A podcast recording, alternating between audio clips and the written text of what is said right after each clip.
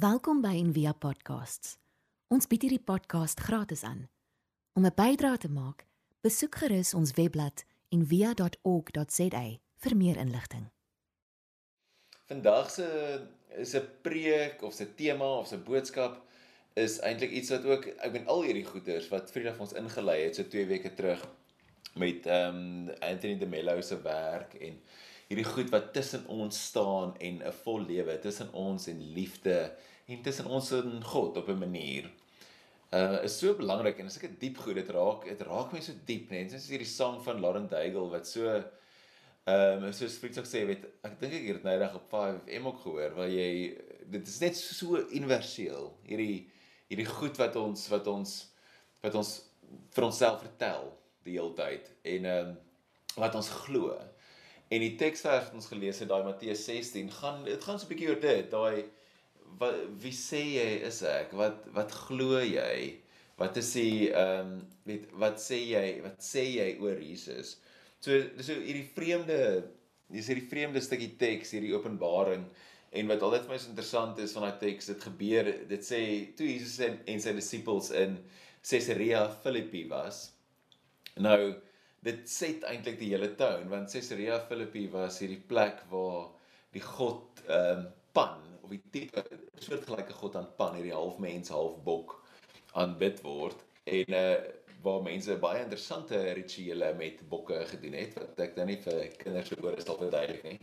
Maar ehm um, en so ek kan nie dink hierdie disippels is soos geen ek meen geen goeie Jood gaan Caesarea Philippi toe nie. Dis is Nee, die, ek dink altyd as ek daai storie lees dan dink ek die arme disippels, hulle het net gedink, "Jesus, ek hoop dit nie my ma vind uit ek is hier nie. Dit is verskriklik."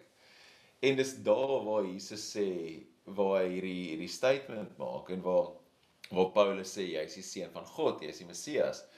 Ag, Paulus en Petrus Simon Barjona en die wat so interessant net in die volgende stukkie teks, net dis soos 10 reeltjies aan dan Petrus het hierdie groot revelation en dan en Jesus sê vir hom God het hierdie aan jou openbaar dis nie jy nie jy het hier op die nuwe plek gekom.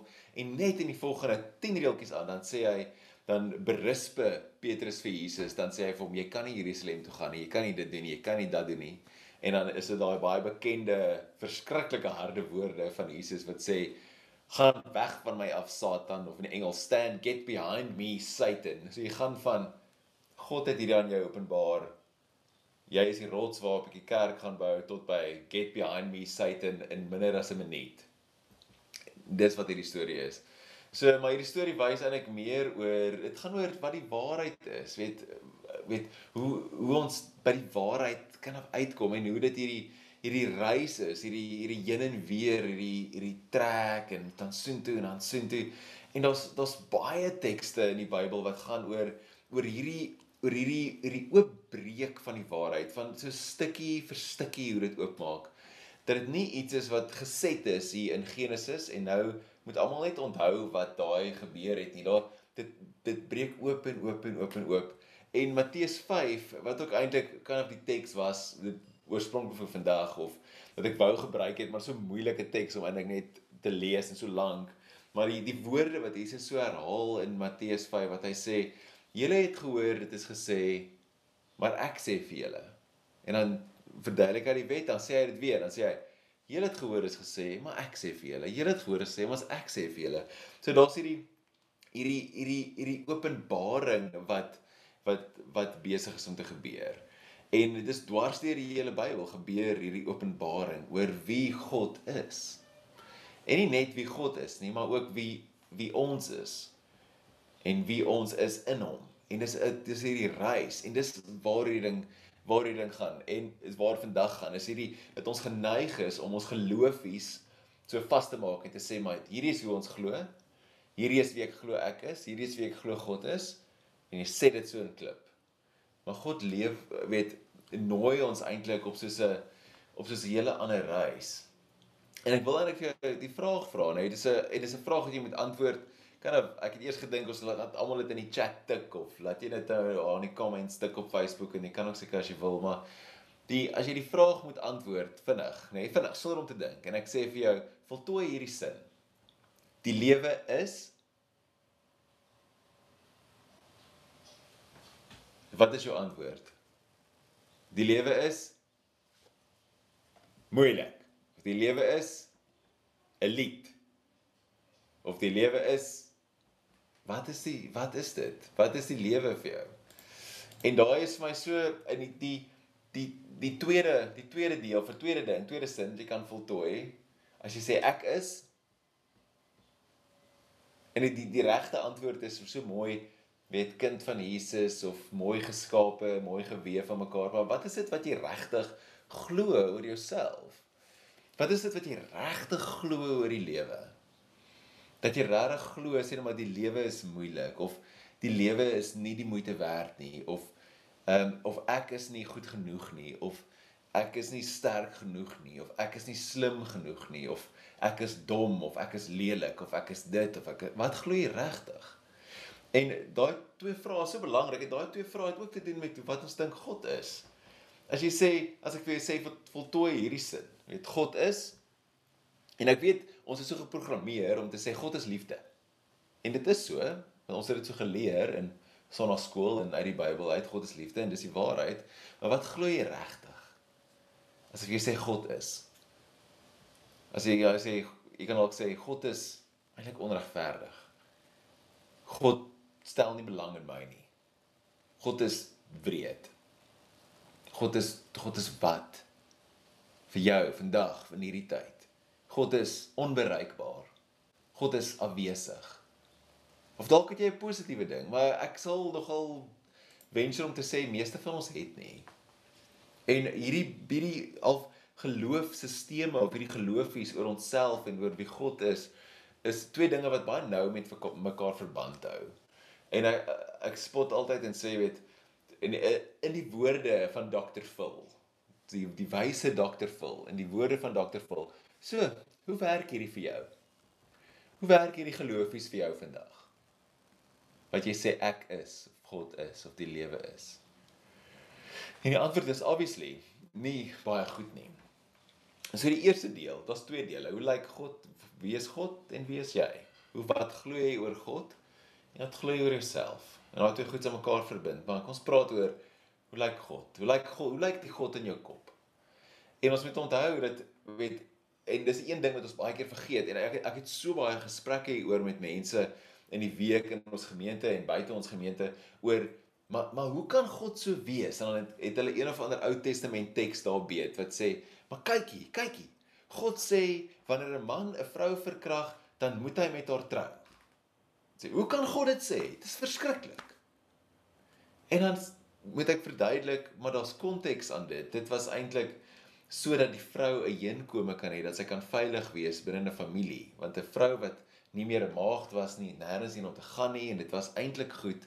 En God, as jy die teks verder lees, dan hou God homself hy hou aan om homself te openbaar en op die ou en dan kom jy uit by Paulus wat sê maar 'n man moet lief wees vir sy vrou.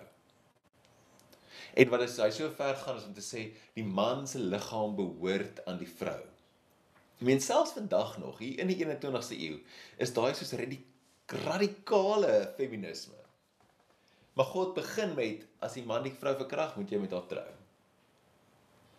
So die punt wat ek probeer maak is dat daar is 'n 'n deurlopende openbaring, 'n aanhoudende openbaring. Psalm 1, een van my gunstelinge een van my gunsteling psalm sê dat dit gaan goed met die mens wat die in die woord van die Here sy vreugde vind en wat dag en nag oor dink. En dan sê dit vers Hy is soos 'n boom wat by waterstrome geplant is, lewende water. Nie water wat dood is nie. En hy sal voorspoedig wees in alles te aanpak. So daar's 'n baie groot verskil in die Bybel tussen lewende water en dooie water. Lewende water was water wat vloei. Dooie water was water wat in 'n houer was en is in in 'n cistern, soos in 'n Jojo tank. Kyk, ons almal ken in die Kaap ken 'n Jojo tank. So Jojo tank is dooie water. Jy ooit 'n Jojo tank oopgemaak en geryk hoe ryk hy water. Dit is nie wat jy wil drink nie. Reg? En dis wat dooie water is.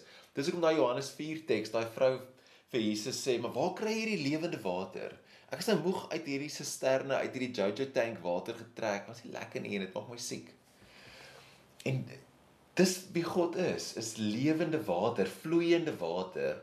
Daar's 'n baie ou sê ding wat ek baie van hou dit is 'n boeddhis wat 'n uh, Christen geword het en nog steeds sy boeddhisme gehou het op 'n manier so Christen boeddhis as jy dan dit in jou kop kan vashou. Hy sê uh, uh, as ons God sou kon vergelyk met 'n rivier en ons sou 'n emmer vat en ons skep uit die rivier uit, het ons dan vir God in die emmer? As ons God kon vergelyk met 'n rivier en ons sou 'n emmer vat en skep uit die rivier, het ons dan vir God in die emmer? En die antwoord is nee. Jy het nie vir God in die emmer nie, want God is die rivier. So enigste manier om die rivier te beleef is om in die rivier in te spring. Reg? So die beeld van God wat jy in jou gebou het in jou kop is nie God nie. So Pieter Rollins wat ons nou mee saam gaan reis in Lent ook. Ehm um, hy praat baie daaroor dat die beeld van God wat jy in jou kop het, is eintlik 'n afgod. Dis nie God nie. Die oomblik as jy dink, maar ek het dit, ek het dit. Hierdie dis dis wie hy is, dan het jy dit nie. Dat die die die mystici, die mystic skrywers sê dat dat God is dit die grootste ding wat jy aan kan dink, die grootste wese wat jy aan kan dink in jou kop, nê? Vat 'n oomblik. Dink aan dink aan God, die grootste ding wat jy aan kan dink, hoe hy is. En die mystic skrywer sê God is groter as dit. God is groter as dit wat jy aan kan dink. Want as jy daaraan kan dink, is dit nie God nie. En die ironie is, is ons beklei in die kerk, buite die kerk, tussen gelowe, die heeltyd oor ons idees van God, oor dit wat ons dink. Dit wat hierdie kerk dink of hierdie denominasie of hierdie tradisie of dit en dan stry ons daaroor en beklei ons oor hierdie idees van God. Maar nie oor God self nie. En daai dis so belangrik. En in dieselfde aspek, ek wil ook net so sê dat dat die, en dat ons moet onthou dat die woord Israel, die woord Israel, die naam Israel beteken stoei. Wrestle van Jakob wat met God gestoei het en gesê het jy sal my seën en toe sak God sy heup uit. En toe gaan hy nog steeds al weg met 'n seën en en 'n mankheup. En daar's iets in daai om te sê maar ons moet konst, ons moet konstant stoei met God. Selfs beklei met God. Frida sê altyd God is nie van porselein nie. Weet jy kan maar op sy bors slaan. God is groot genoeg vir jou vrae. En baie van ons het groot geword in tradisies wat gesê het nee, maar jy jy jy, jy kan nie sulke vrae vra nie. Dis dis dis onvanpas. Mens vra nie sulke goed nie. Maar jy kan. Jy kan stoei met God. Jy kan kwaad wees met vir hom want ek dink baie keer is ons eintlik kwaad vir die prentjie van God in ons kop. En ons het gedink hy is so en nou is dit nie soos ons prentjie nie en hy doen nie wat ons gedink het hy gaan doen nie en nou is ons kwaad vir hom en jy kan maar vir hom sê dat jy kwaad is vir hom. Ek dink elke keer as jy stoei met hom en jy slaan so teen daai bors, dan breek jy eintlik 'n stukkie van daai afgod af. So stukkie vir stukkie.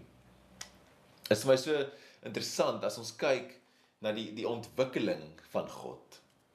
Die die idee van God, soort van die teologie dan sien ons verskillende gode ook in die in die Ou Testament wat opduik. Ons sien Baal, die krygsgod, die vegtergod van die Babiloniërs wat op sy op sy wa op die wolke kom en donder weer, amper so Zeus karakter. Maar dis nie die God van Israel nie. Dalk vir 'n rukkie, maar nie heeltemal nie. En dan jy Asherah, die vrugbaarheidsgod, wat maak dat dit reën op die land en dat jy dat jy uh dat jy oes het en dat jy kinders het en al daai goed. En dan kry ons 'n ander God daarvan Ur af, van waar Abraham afkom, daai deel En daai God is ja, van die historiese sê die God soms net ja. En dis die God in die woestyn. En nou as jy dink in die woestyn, in die woestyn het jy nie 'n vegter nodig nie. Niemand wil die woestyn by jou kom vat nie. So, daar's geen geen volk wat jy toe kom en sê hoor hierdie lyk nou soos 'n lekker stukkie woestyn. Ons gaan hierdie kom vat nie. So jy die rede hoekom jy in die woestyn is as 'n nasie is omdat jy nie jouself kan verdedig nie. Jy word uitgedryf al die pad tot daar. Dis ook hoekom in ons eie land hoekom die Khoisan in die woestyn geëindig het want hulle was eintlik oral oor. Maar hulle het gesukkel om te beklei teen al hierdie mense van die noorde en nou gaan hulle aan die Kalahari. Niemand wil die Kalahari hê nie. So hulle is daar. En dieselfde ding in in Israel. Hulle is in die woestyn. In die woestyn het jy nie 'n vegter nodig nie. En jy het nie 'n vrugbaarheidsgod nodig wat die oes gaan laat opkom nie want jy is in die woestyn. Maar jy het 'n God nodig wat teenwoordig is. En dis wat hierdie ja idee wat ons kry in die Ou Testament, hierdie hoe hierdie hierdie idee begin ontwikkel. Dis nie 'n kryger God nie, dis nie 'n vrugbare God nie, dis dis 'n teenwoordige God. 'n God wat sy tabernakel by sy mense opslaan. En dis dan wat Jesus is. Wanneer ons by Jesus uitkom in die Nuwe Testament dan sien ons maar hy is Emmanuel. God met ons. Dan dis asof hierdie idee wat so vorm in die Ou Testament. Ek hoop jy is saam met my en jy kan sien wat ek bedoel, maar dit dit word so hierdie hierdie beeld van God wat mens word wat by sy mense is, so nou naby hulle is. Soos nou in daai geloofsbelijdenis ook gelees het, weet God wat so naby kom in hierdie hinkerende kerk daar by hulle kom bly. En dan Hebreërs 1 sê sê dit so mooi. Dit sê nadat God baie keer en op baie maniere in die ou tyd gespreek het tot die vaders en deur die profete het aan die laaste dae tot ons gespreek deur sy seun wat hy as erfgenaam van alles aangestel het. Deur wie hy die wêreld gemaak het. En hierdie die ou vertaling sê dit so mooi. Dit sê hy, nou Jesus, wat die afskynsel is van sy heerlikheid en die afdruksel van sy wese. Is dit nie mooi nie? Die afskynsel van sy heerlikheid en die afdruksel van sy wese. En hier is wat Jesus so moeilik maak ook, want hy is by jou. Dis die belofte, ek is by jou. Die belofte is nie hier's al die reëls, hier's 12 stappe tot sukses, hier's 'n 40 dae lesie wat jy kan doen en dan as jy gesorg nie. Hy sê ek's by jou. Jesus gee nie 'n boek nie. Hy het nie skrywe agtergelos nie. Hy gee nie reëls nie. Hy sê hy gee homself. Hy sê ek is by jou. Dis iemand saam met jou stap wat jou wat jou leer wie God is en dan ook wie jy is. So dat ek dink daai die eerste deel is net dis ons wat ons prentjie van God moet wees. Is God met ons. Nie God in 'n boksie nie. God met ons wat saam met ons stap wat konstant homself openbaar nog steeds vir ons deur Jesus deur sy seun en dan die tweede deel die diep emosionele deel wat baie naby raak aan ons is hoe lyk jou prentjie oor jouself hoe dink jy oor jouself weet hierdie stelsel wat jy gebou het in jou kop oor wie jy is hierdie konstruk en dat ons op 'n punt kom in ons lewe as ons besef maar hierdie is dis nonsens, dis lelik, dis swak, dis sleg vir my. En elke keer kyk ek ek dink jy amper 'n preek is nie 'n preek is nie 'n 'n 'n lyn of twee uit uit die matrix uit quote nie, nê. So daai daar's so geskit Josua as hy kom en dan alweer peer in die matrix. so anyway, ten spyte van Josua se objection in die matrix Dan praat Morpheus en hy sê, dan sê hy, dan sê hy vir Neo en dan sê hy the matrix is a system. That system is our enemy. But when you're inside, you look around, what do you see?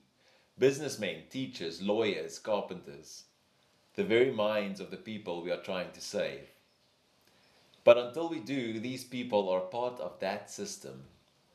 And that makes them our enemy. You have to understand that most of these people are not ready to be unplugged. And many of them are so inured, so hopelessly dependent on the system, that they will fight to protect it. En daai laaste deel is my so key dat ons is ons het hierdie konstruk gebou en ons glo dit so sterk oor onsself en oor wie God is, oor onsself dat ons sal beklei om dit te beskerm. Dat ons almal sal doodgaan eerder as om iets anders te glo. As om die moontlikheid te vat dat daar dalk iets anders is. So wie dink jy is jy? Nie wie dink jy is jy nie. Wie dink jy is jy?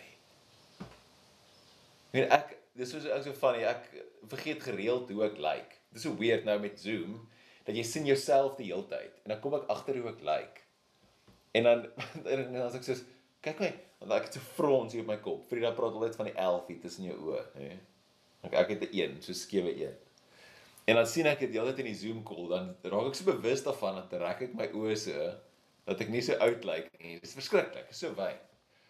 En dan soms dan kyk ek as ek myself so kyk in die spieël en ek wonder dan dink ek wie is hierdie man wat terugkyk?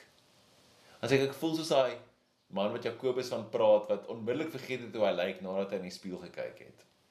En sê waar het hierdie grys vandaan gekom in hierdie plooie en als as ek kyk sweer ek was gister nog 24. Dit kan nie wees dat ek al so verander het nie. So en ek dink ons bly in hierdie selfverheerlikende kultuur Maar een van die groot uitnodigings van die onderste bo koninkryk wat ons nou uitgenooi word is om onsself te leer ken, proper, onsself te leer ken. En nie dieselfde wat ons vir die wêreld wys nie, nie dieselfde wat deel is van hierdie stelsel nie, nie dieselfde wat ons geleer het om te wees sodat mense kan dink ons is oulik nie. Eerder die diep self onder die plooie en die vetjies en die maskers en goed, ons soos ware beeld van God self. Die beeld van God idee is so belangrik. Dis dis wanneer in die antieke tyd tempels gebou is, dan die laaste ding wat hulle gedoen het was om 'n beeld in te sit. En wanneer ons Genesis lees, dan is dit eintlik dieselfde formaat as 'n tempel bou. Die tempel word gebou en die laaste ding wat gebeur is die beeld word ingesit. Dit die verteenwoordiging van God, van die God en dan van ons God. So hy plaas 'n beeld in die middel van die tempel. En dis ek en jy. En dan God blaas dan sy asem, sy gees in die beeld en in die beeld word 'n lewende wese. Die Hebreëse woord nefesh, nee, siel. Wat dan beteken hele wese. Dis wie ons is. Ek het nou nou so rukkie terug oor ehm um, so 'n bietjie opgelees oor die so Suid-Amerikaanse wysheid tradisie, spiritualiteit, Toltec, sê ding se nou, Toltec. Hulle het 'n baie interessante manier om hierdie idee te beskryf. Hulle praat van mitote, nee, ek weet nie of ek dit reg uitspreek nie, mitote, mitote, anyway. En dit word verduidelik as soos die mis, die mis wat in jou kop is. Brain fog. So, almal wat al COVID gehad het, weet so 'n bietjie van brain fog, né? Nee? Ja, ons sê ja, ek sê maar op ja, ek ken brain fog. Ek het nie COVID gehad nie en ek het nog steeds brain fog, so ek weet nie wat gaan daaraan nie. Maar die mis wat in jou kop is as gevolg van al die leuns wat jy oor jouself glo. Dis metoute. Die mis is so dig dat jy nie die waarheid van die lewe en van jou geskaapenheid kan sien nie. En volgens daai tradisie maak ons almal so sekere ooreenkomste met onsself. Ons besluit ons is dom. Ons besluit ons is lelik. Ons besluit ons is niks werd. Ons besluit ons is nie goed nie. Dit maak so 'n deal met onsself. Ons sê okay, dis nou die deal, dis wie ek is. En dis die mis tussen jou en liefde. Tussen jou en God, tussen jou en jou en jou ware self. En om jouself te ken en nog meer om jouself te word is die grootste uitnodiging in hierdie lewe. En ons praat baie daaroor by en via om praat oor nooi. Wat word jy na toe genooi? En ons word genooi om onsself te word. En hoe kan ons God lief hê as ons nie eers weet wie ons is nie? En dis net in God self waar ons ons ware self kan ontdek en kan lief hê. Ons self verstaan is so kritiek tot ons groei in Christus. Dis die kern van ons lewe in God. En dis juist wat God ons na toe uitnooi om ons om onsself te word, in ons ware beeld van God self. En die die catch is, daar's net een manier om jouself te kan word en is om jouself te verloor. En jouself met 'n klein lettertjie, jouself tussen aanhalingstekens, hierdie self wat jy gebou het, hierdie huisie wat jy gebou het hier rondom jou.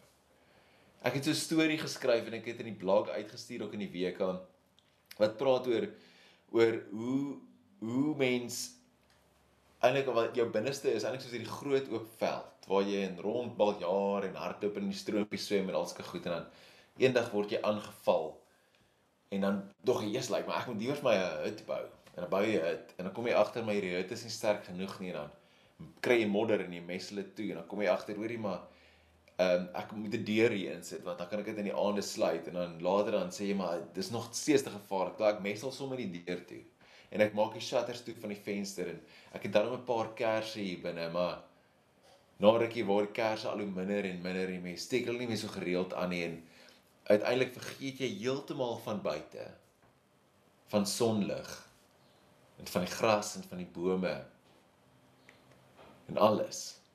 En jy jy probeer jou huisie binne so mooi maak en netjies maak, maar jy het eintlik vergeet wat dit actually is om buite te wees. Jy het vergeet hoe dit buite lyk. Vergeet van die lig en die lewe, die vloeiende water en die wind. En dan word jou huisie heeltyd aangeval, reg? En dan dink jy, "Krap, ek moet die mure nog dikker bou." Want ek kry seer. Dan verdedig jy, begin jy en jy verdedig hierdie vesting met jou lewe. En dan partykeer dan breek iets af in 'n stuk van die ding en dan vinnig maak jy dit van binne af sterker. Jy kan later nie meer onthou waar die deur eers was nie. Want jy het lankal toegemaak. Dan grawe jy dieper en dieper binne om nog klei te kry om die mure nog dikker te maak. En dan eendag in ons lewens. Eendag dan is daar 'n geweldige aanval op ons vestings. Dit gebeur aan ons almal, dan breek dit dwars deur dit. En ons dink ons lewens val uitmekaar uit. En ons probeer dit regmaak, maar iewes skielik kom die son deur. Jy probeer die mure kan op regop hou vir 'n oomblik en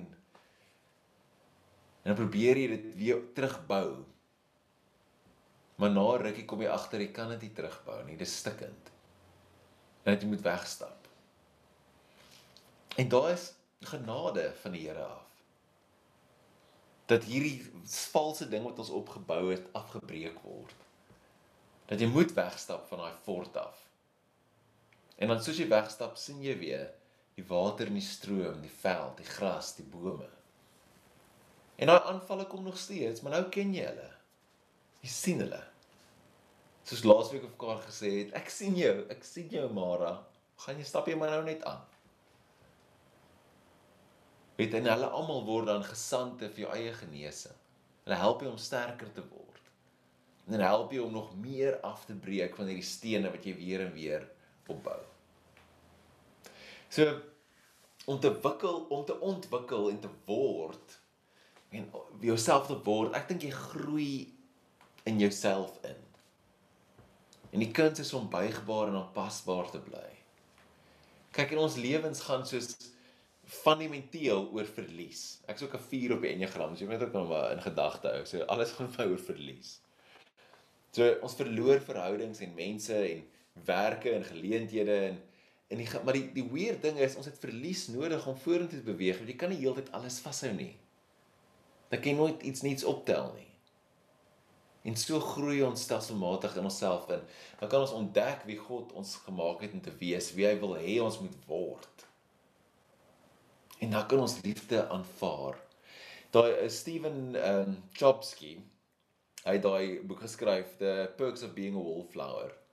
En daar's 'n een line in dit wat net elke keer vir my stikkend slaan. Dit sê we only accept the love we think we deserve. We only accept the love we think we deserve klip klipharde woorde.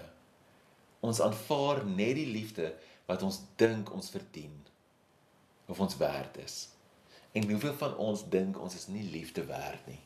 Nie liefde van God af nie, nie liefde van ander mense af nie. En dis wat God ons dan uitnooi. En dis wat ons dan kan doen. Om om te luister na wat God sê, wat hy sê oor die lewe, wat die lewe is wat hy sê oor jou, wie jy is. Wat sê Jesus oor wie God is? Jesus is die openbaring van wie God is. As jy 'n prentjie in jou kop wil hê van wie God is, dis Jesus en enigiets wat nie by dit inpas nie, is nie wie hy is nie. Henry Nouwen het geskryf hy sê gebed is net om te luister na die stem wat sê ek is geliefd om heeltyd te vra wanneer hierdie goed jou huisie so aanval en jy raak ontsteld van al die goed wat jy glo oor jouself en jy voel niks werd en al goed. Dis die vraag om te vra maar wat is die wat is die waarheid hier? Om te stop en te sê wat is die waarheid? Wat sê God oor my? Om daai te vra wat sê Jesus oor wie God is? 'n liefdevolle Vader. En dis waar ons genooi word om hierdie werk te doen.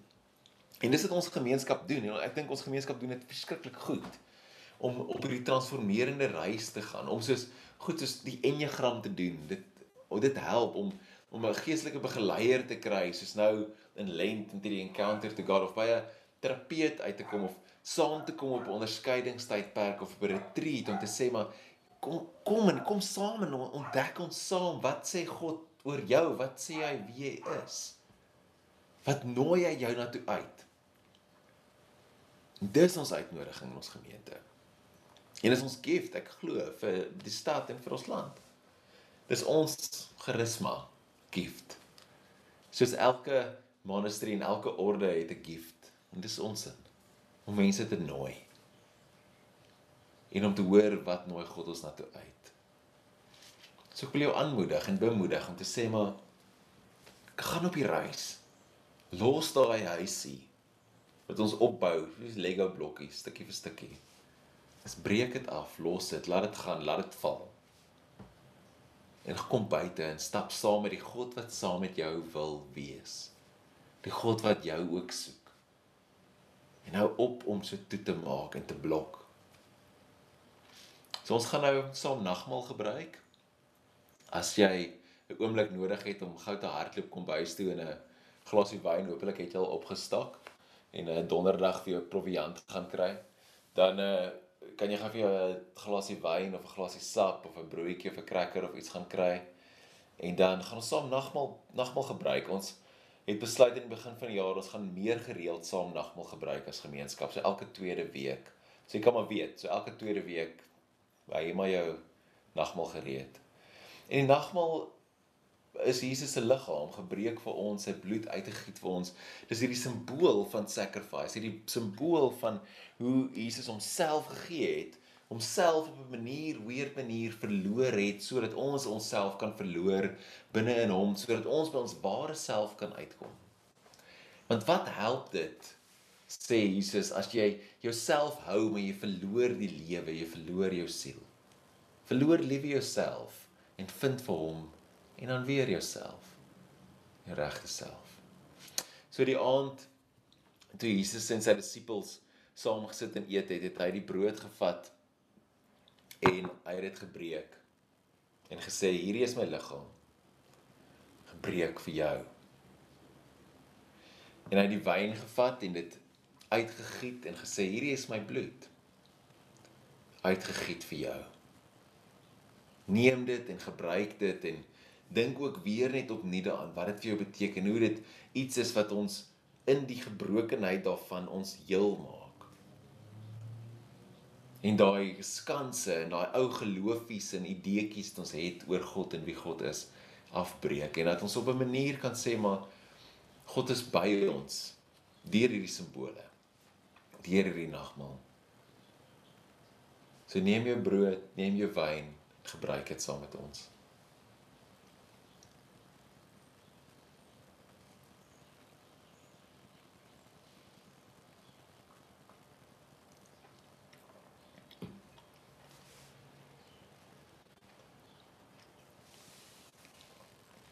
Kom ek bid vir ons saam. Dankie Here Jesus dat U hierdie simbole vir ons gegee het om ons te herinner dat U by ons is. Iets wat ons die geestelike waarheid leer dat U deel is van ons met ons is. Here help ons om hierdie geloofies wat ons het oor wie God is, wie U is en wie ons is te hersien, af te breek, oop te wees vir openbaring vir verandering vir dit wat U ons na toe uitnooi.